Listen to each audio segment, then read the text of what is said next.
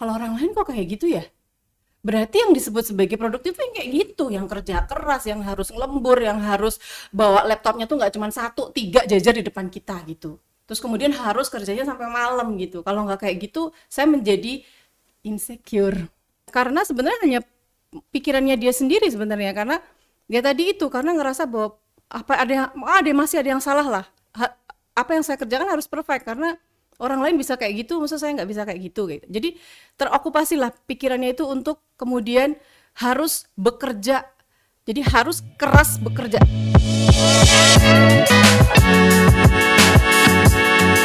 Halo kawan UGM, kita jumpa lagi di UGM Podcast. Di episode kita kali ini eh, nggak uh, kalah menarik sih ini temanya sama episode-episode sebelumnya. Dan menurutku ini adalah salah satu episode yang kayaknya bakal cukup relate banget sama aku. Kita akan membahas tentang hustle culture. Nah, mungkin uh, kawan UGM semuanya udah sangat familiar ya dengan istilah hustle culture ini karena ini udah sering banget dibahas di berbagai media sosial, di banyak kanal-kanal informasi juga sering banget kita bahas akhir-akhir ini. Nah, berarti ini harusnya bukan fenomena yang biasa aja. Nah, untuk kita tahu lebih jauh tentang apa sih hustle culture itu sebenarnya, terus mungkin gak sih kita juga sebenarnya nggak sadar kalau kita pelaku hustle culture itu sendiri. Nah, saya sudah bersama dengan Ibu Indrayanti MSI PhD Psikolog. Beliau adalah dosen sekaligus uh, peneliti di Fakultas Psikologi Universitas Gajah Mada. Halo Ibu, selamat datang di UGM Podcast. halo Mbak Asri Oke. sehat Alhamdulillah. Uh, terima kasih ya Bu sebelumnya udah menyempatkan waktunya untuk ngobrol-ngobrol sama kita. Nah, tadi kan di opening saya udah bilang bahwa kita akan ngobrolin tentang hustle culture gitu. Uh, hustle culture itu kan marak banget gitu. Akhir-akhir ini orang tuh kayak berusaha untuk always on gitu sama pekerjaan mereka. Bahkan mereka tuh terutama setelah kita ini ya Bu apa sosial media itu semakin semakin ramah gitu mungkin di di sekitar kita gitu. Jadi aku tuh kayak selalu tahu orang tuh kok pada produktif produktif produktif banget ya? Orang kok pada workaholic banget. Kadang bahkan tuh nggak jarang tuh bikin saya sendiri tuh kayak minder gitu. Apakah aku termasuk pekerja yang baik gitu? Apakah aku termasuk orang yang akan berkembang karirnya? Tapi mungkin perlu penjelasan dulu sih hasil culture tuh apa gitu. Oke barusan yang disampaikan Mbak Asri ini itu indikator oh. tertunda hasil culture itu. Nggak sadar ternyata saya udah masuk ke situ ya. Jadi, ini sebenarnya kan uh, terminologi ini sebuah uh, terminologi uh, yang berkembang dari workaholic zaman dulu kan.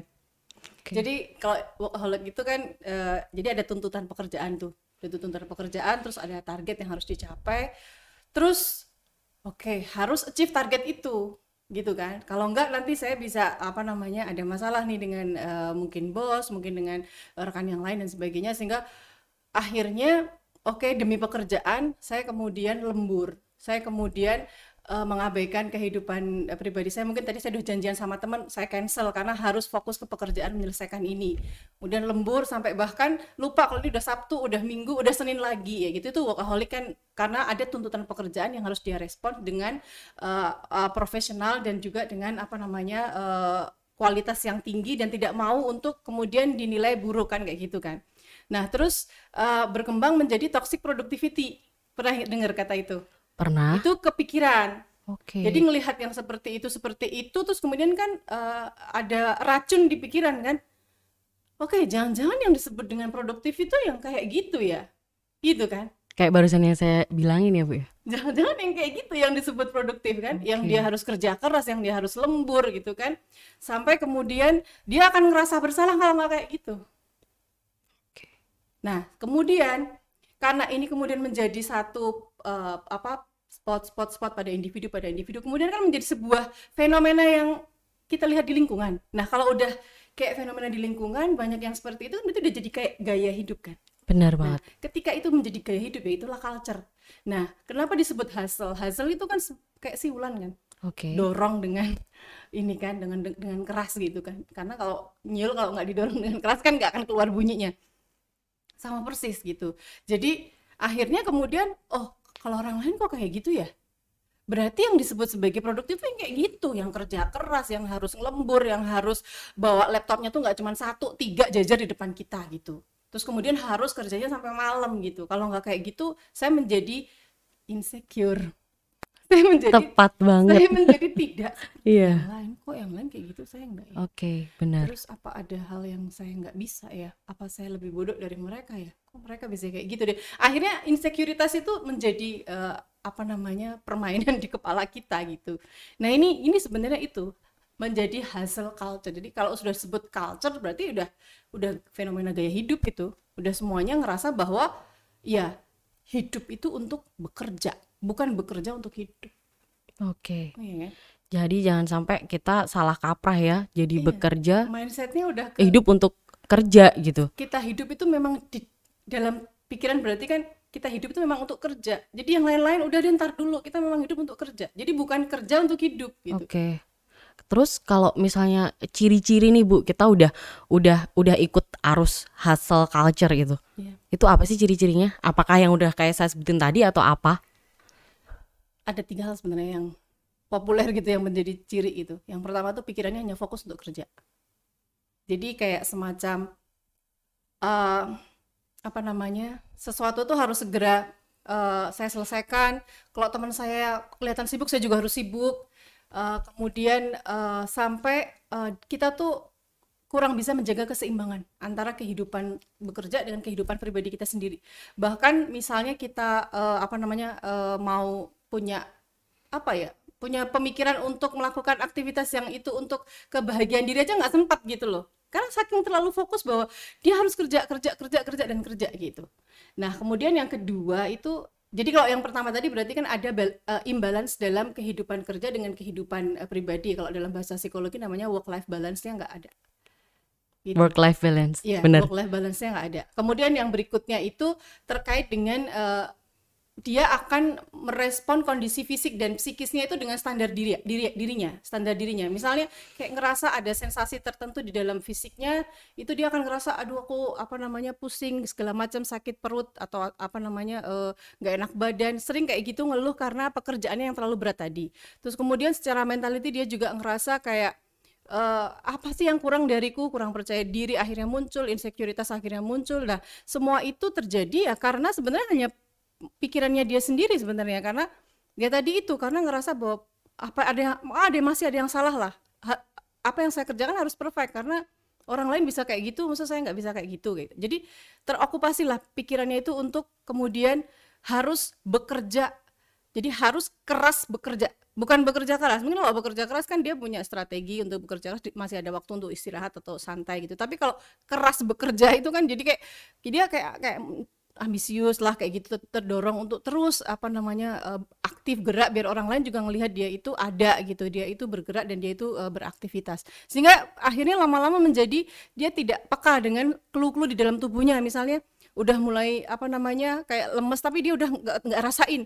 Udah kerja terus kerja terus. Nah pada akhirnya tubuh itu kan nggak bisa ditipu kan. Jadi ketika kemudian banyak stresor banyak stresor masuk kan tubuhnya jadi ambruk. Nah itu yang kemudian kalau tubuhnya ambruk terus kemudian dia nggak bisa ngerjain itu tuh juga udah stres gitu. Aduh kenapa sih badanku kok kayak gini gitu kan? Aku harusnya tuh kan sehat aku harusnya gini. Terus kemudian dipaksain dipaksain sampai akhirnya burn out yang namanya dalam bahasa psikologi itu.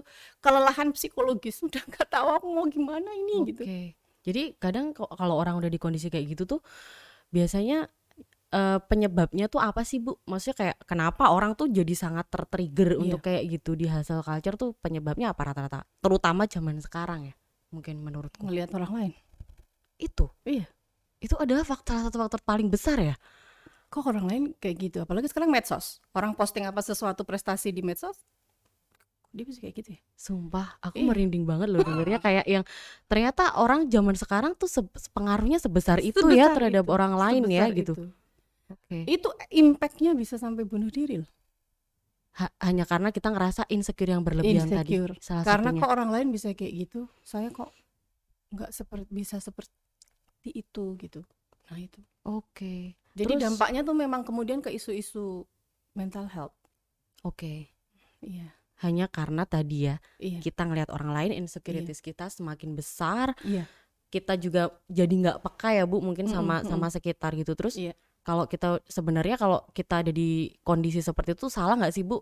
Kita menjalani hasil culture. Kadang kan penyebabnya tuh banyak juga ya. Kadang kita kayak aku terpaksa nih harus harus harus kayak gini. Sebenarnya aku tuh juga sadar aku kena hustle culture nih gitu tapi salah nggak kalau kita tetap terus ngejalanin itu karena banyak banyak faktor kayak ekonomi keberlangsungan hidup dan lain sebagainya Oke, kalau kalau hasil kalau karena masalah ekonomi sebenarnya itu sesuatu yang eh, apa namanya harusnya tidak menjadi sebuah eh, problem karena eh, pastinya di tempat kerja itu akan eh, di apa namanya dibantu untuk mengelola itu kalau memang orangnya terbuka sehingga memang kuncinya itu pada terkoneksi. Jadi kalau mungkin ada pertanyaan misalnya eh, sebenarnya eh, apa sih eh, apa namanya yang harus kita eh, apa namanya waspadai ataupun harus kita siapkan biar kita tidak terlanda hasil culture seperti ini ya kita harus terkoneksi. Terkoneksi itu artinya memang kita hidup gitu loh. Kan karena kemajuan teknologi kita hidupnya virtual kan. oke Tidak. iya, benar Tidak apa namanya eh, face to face kayak gitu Terus kemudian juga jarang mengekspresikan. Nah, kalau misalnya kemudian kita punya eh, semacam eh, apa namanya kesempatan untuk mengekspresikan diri itu yang sebenarnya harusnya dipupuk. Kulturnya yang harus dibangun ke sana. Kultur keterbukaan, kultur untuk tidak apa namanya menutup-nutupi apa yang ada di dalam dirinya sehingga kemudian akan menjadi bom waktu di kemudian hari. Jadi ya kuncinya memang terkoneksi. Kita harus terkoneksi.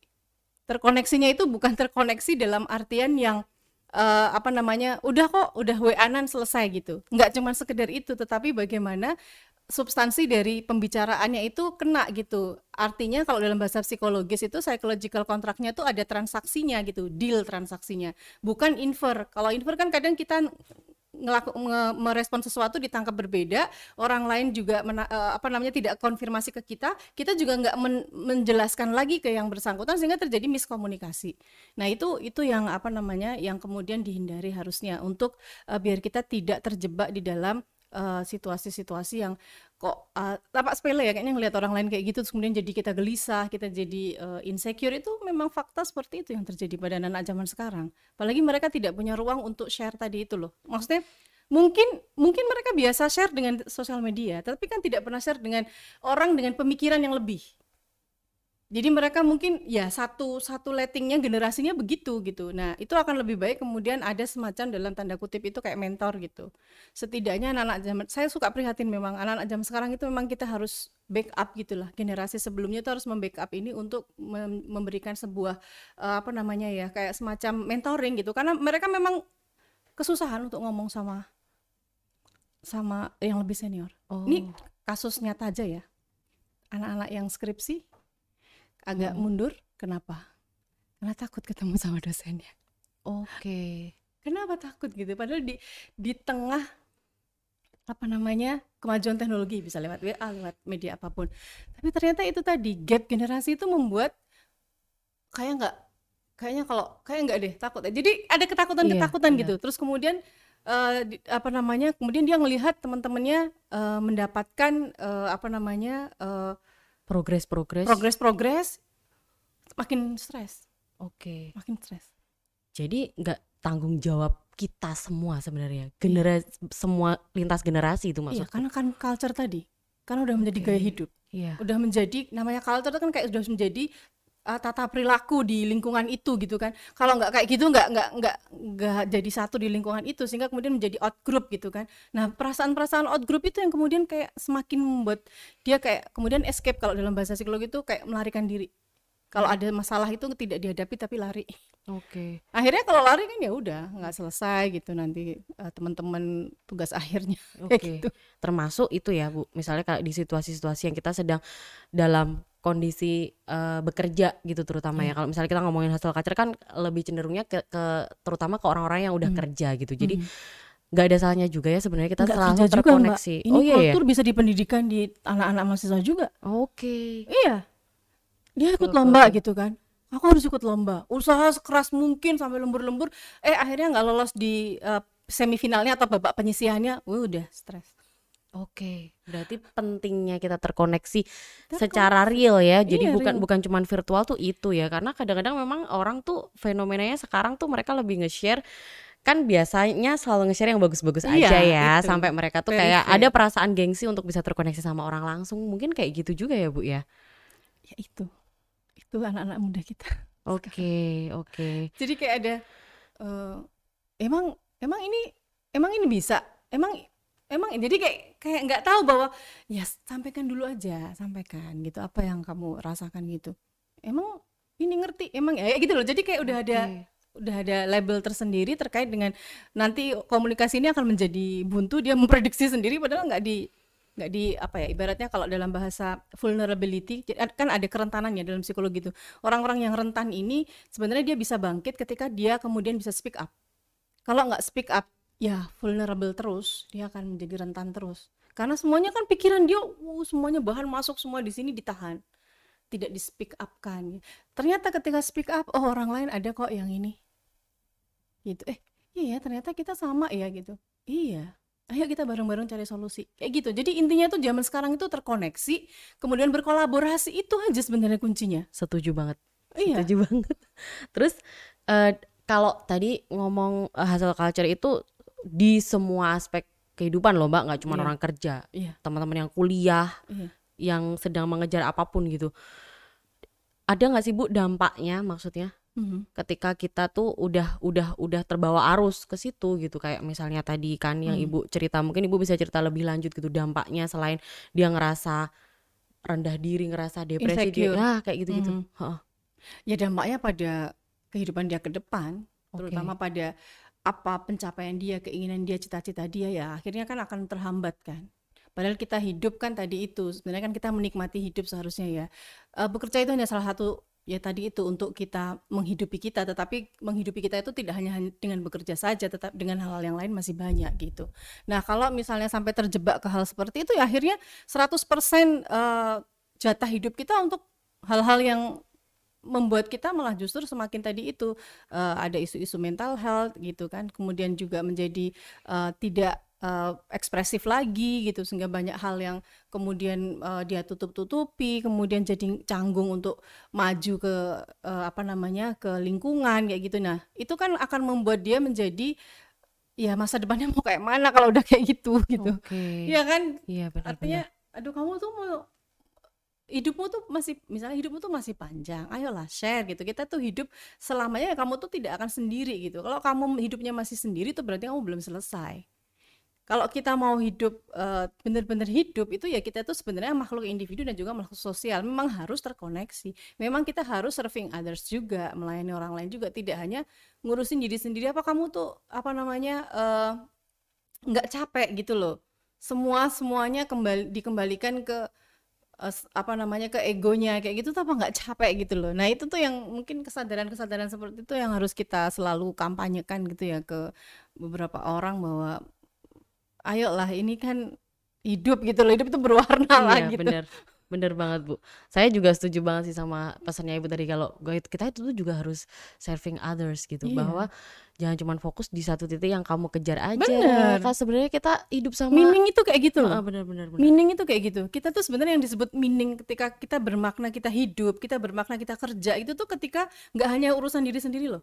Ketika kita bisa serving others itu itu meaning loh itu. Iya, tapi benar saya juga ngerasain itu Hmm, sih gitu. iya. Semua orang pasti juga bakal ngerasain itu ya kalau kita Iya. bisa berguna buat orang lain. Eh itu bener. Bener. Oke. Eh, pesan-pesan dong Bu buat kawan UGM semua yang mendengarkan sebelum kita tutup nih podcast kita. Mungkin Ibu bisa kasih pesan nih buat kita sebelum Heeh. kita terlanjur menjadi workaholic di berbagai hal yang akan kita kerjakan Oke. dan berdampak yang kurang baik. Oke, kalau saya terus terang kalau apa namanya eh, pesan kepada terutama juga mahasiswa saya gitu ketika ada di kelas itu saya selalu meng- mengatakan bahwa ayolah kalian tuh harus terkoneksi dan berkolaborasi. Itu sebenarnya pingin saya tuh mereka tuh itu. Karena eh, apa namanya ini yang akan kemudian membawa mereka untuk eh, saling membuka pikirannya masing-masing terus kemudian saling tahu oh ternyata fenomena ini tuh tidak hanya aku hadapi sendiri tapi teman-temanku juga menghadapi. Ayo kita selesaikan bareng-bareng berkolaborasi kemudian juga networking gitu. Jadi mencari eh, apa namanya jaringan-jaringan gimana caranya mengatasi masalah ini. Oh misalnya pergi ke mana pergi ke mana jadi wawasannya harus diperluas. Sehingga kalau mau- boleh di di apa namanya disimpulkan sih pesan saya tuh kalian itu udah deh kalian itu terkoneksi sama berkolaborasi itu deh gitu. Jadi jangan sendirian gitu karena kalian itu nanti akan eh, menjadi apa namanya eh, ya calon-calon pemimpin bangsa. Dan kalian akan diharapkan oleh negara atau bangsa ini tuh berkontribusi. Karena bener-bener bangsa ini isinya kan sekarang anak-anak muda ya. Jadi tolong banget gitu anak-anak muda zaman now gitu. Itu untuk bener-bener kuat mental gitu loh. Wow. untuk benar-benar kuat mental. Kalau misalnya kalian ada pikiran negatif gitu kan itu tox- toxic tadi gitu ya ada racun dikit dalam pikiran kalian please sublim aja Oke. di sublim tuh dibuang tapi dibuangnya itu dengan cara positif. Ya mungkin tadi mencari eh, apa namanya teman gitu terbuka untuk ngomong. Jadi jangan di displace kalau di displace itu kayak kemudian jatuhnya ke dirinya. Terus akhirnya kemudian yang terjadi sesak nafas lah segala macam. Terus kemudian tiba-tiba self diagnose bahwa saya bipolar bahwa saya ini punya gangguan kayak gini. Oke. itu self diagnose karena dia tadi itu ke dirinya sendiri kan nggak terkoneksi kan Iya, iya. coba benar. ngobrol sama yang oh oke oke ini oh ini karena pas suasana hatimu naik aja ini nggak ada gangguan kok di dalam hormonnya gitu ini hanya karena masalah kamu lagi ini kan bisa Oke. iya kan Iya, oke. jadi terkoneksi sama kolaborasi udah deh Setuju banget Bu Indrayanti. Jadi tadi mungkin ada beberapa hal yang saya highlight juga sebagai eh Pak sebagai seorang yang bekerja juga gitu. Mungkin listen to your body juga termasuk ya Bu ya. Eh, ter kemudian terkoneksi, kolaborasi dan serving others tuh kayaknya empat hal yang cukup saya highlight di podcast kita kali ini untuk saya pribadi. Dan Iya, iya. Bu Indrayanti, terima kasih banyak sudah berkenan untuk ngobrol-ngobrol sama kita di UGM Podcast kali ini. Eh, semoga podcast kita sekarang ini yang nanti didengar oleh kawan UGM semuanya di mana pun kalian berada dan sedang dalam kondisi apa pun semoga ini membawa manfaat dan impactful untuk kita semua ya. Dan jangan lupa juga untuk yang mendengarkan podcast kita untuk share podcast kita di kanal-kanal sosial media kalian supaya makin banyak yang mendengar dan kita makin semangat untuk produksi konten berikutnya. Dan sampai jumpa di episode selanjutnya. Bye bye